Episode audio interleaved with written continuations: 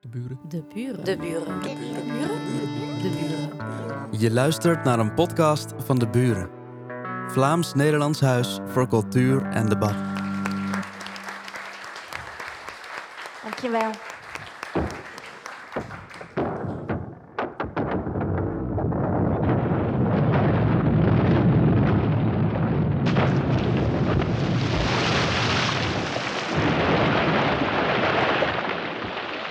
Voor je ligt een bouwwerk van woorden. Het heeft iets weg van een kinetisch zandkasteel. Dat kleeft ook. Een lijst van tien pagina's met woorden waarvan elke letter door de inzender gewiegd, vertroeteld wordt. Bijna allemaal zijn ze ontstaan uit contact met een naaste. Het doet mij denken aan de taal die ik met mijn familie deel, waarin ook bewegingen ons, voor ons het woord doen. Zo is het gebaar duim omhoog in mijn hoofd omlijst. Voor velen zal het een knalgele emoji zijn die voor prima, toppie of oké doorgaat.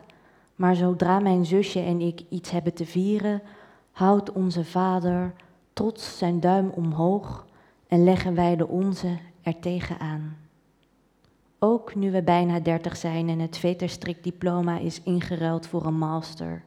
Ook nu zij en ik elkaar aanmoedigen, leggen we onze duimen met gelakte nagels tegen elkaar. En als de groeven van onze vingerafdrukken contact maken, gloeit het. Kijkend naar de verzameling met toelichting vraag ik mij af of er mensen zijn geweest die niets hebben ingestuurd. Dat ze denken dat beweging niet bij taal hoort. Onze lichamen spreken de hele dag. Ook al vormen onze monden geen letters, nemen onze oren alleen het geluid van de ruimte op. Ook al vormen onze handen geen tekens, nemen onze ogen alleen waar wat er op dat moment is. Stel taal voor als een stilzittende hagedis, die bij toenadering pas begint te bewegen. De hagedis is een tokke. Tokke, tokke, tokke. De naam is ook het geluid dat de mannetjes hagedissen maken tijdens de voortplantingstijd. Hoe zou de naam van piepend krijt over een schoolbord klinken?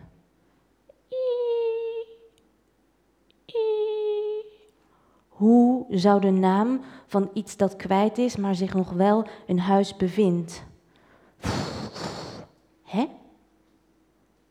Er is iemand die een woord mist voor toekomstige pijn en verdriet, voor de gletsjers en koralen die verdwijnen. Hoe noem je rouwen om iets wat er nu nog is, maar in 2050 niet meer? Bedenk hier de laatste beweging van een gletsjer. Bedenk hier het kleurverlies van koraal.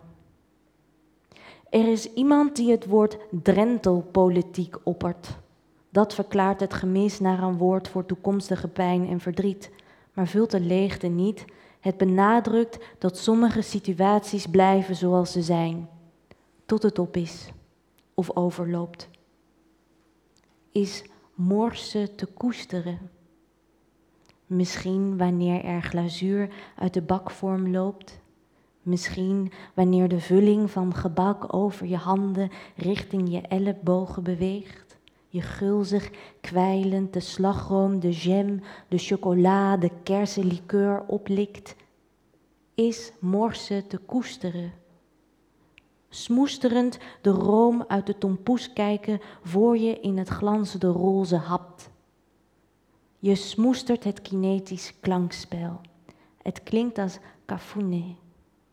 Je beweegt met je vingers door de letters. Het woord is op die manier te liefkozen. En als alle pogingen ergens te geraken mislukken, als de bos- of bergfiets geen lucht in de banden heeft, de bus een ongeluk heeft gehad, de chauffeur na een is iedereen oké niet verder kan rijden, de trein eerst vertraagd is en dan toch niet gaat, Wat geef je dat voor naam? Mislopende mobiliteit is te lang om de opborrelende frustratie te kunnen uiten.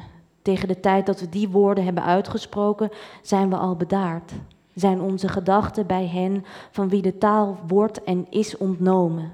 Verzet uit monden gepoetst, in hoofden opgesloten. En hier, in het patattenkoninkrijk, taal in overvloed. Maar er naar handelen, de inzender houdt de duim omlaag. Als de korrels van het kinetisch kasteel los konden bewegen, zouden ze geplant kunnen worden, ontkiemen wanneer nodig, tot iets dat nu gemist wordt, tot iets dat gewicht kan worden. Wanneer werd jij door een woord omarmd? Deinde je op en neer met de spitse S of de attente A? Ik zou een woord een gebaar willen voor het moment waarop iemand die je omhelst aanbiedt je los te laten wanneer jij er klaar voor bent. Dat het mag duren en duren, zonder bang te zijn dat er aan troosten een tijdslimiet verbonden is. Voor nieuw leven geldt misschien het omgekeerde als een ouder, verzorger, de pasgeborene van medemens naar medemens ziet gaan en het medekind, de sibling, de brus ook naar aandacht snakt, maar niet verder komt dan een schoot waarop het timide blijft zitten. Dat het babyknijpen te lang duurt en de schootgenoot afwachtend toekijkt. Misschien zou duim tegen duim soelaas bieden. Dank jullie wel. De buren. De buren. Je luisterde naar een podcast van De Buren. Vlaams-Nederlands Huis voor Cultuur en Debat. Benieuwd naar meer? Luister ook naar onze andere verhalen en registraties. En ontdek ons podiumprogramma op deburen.eu.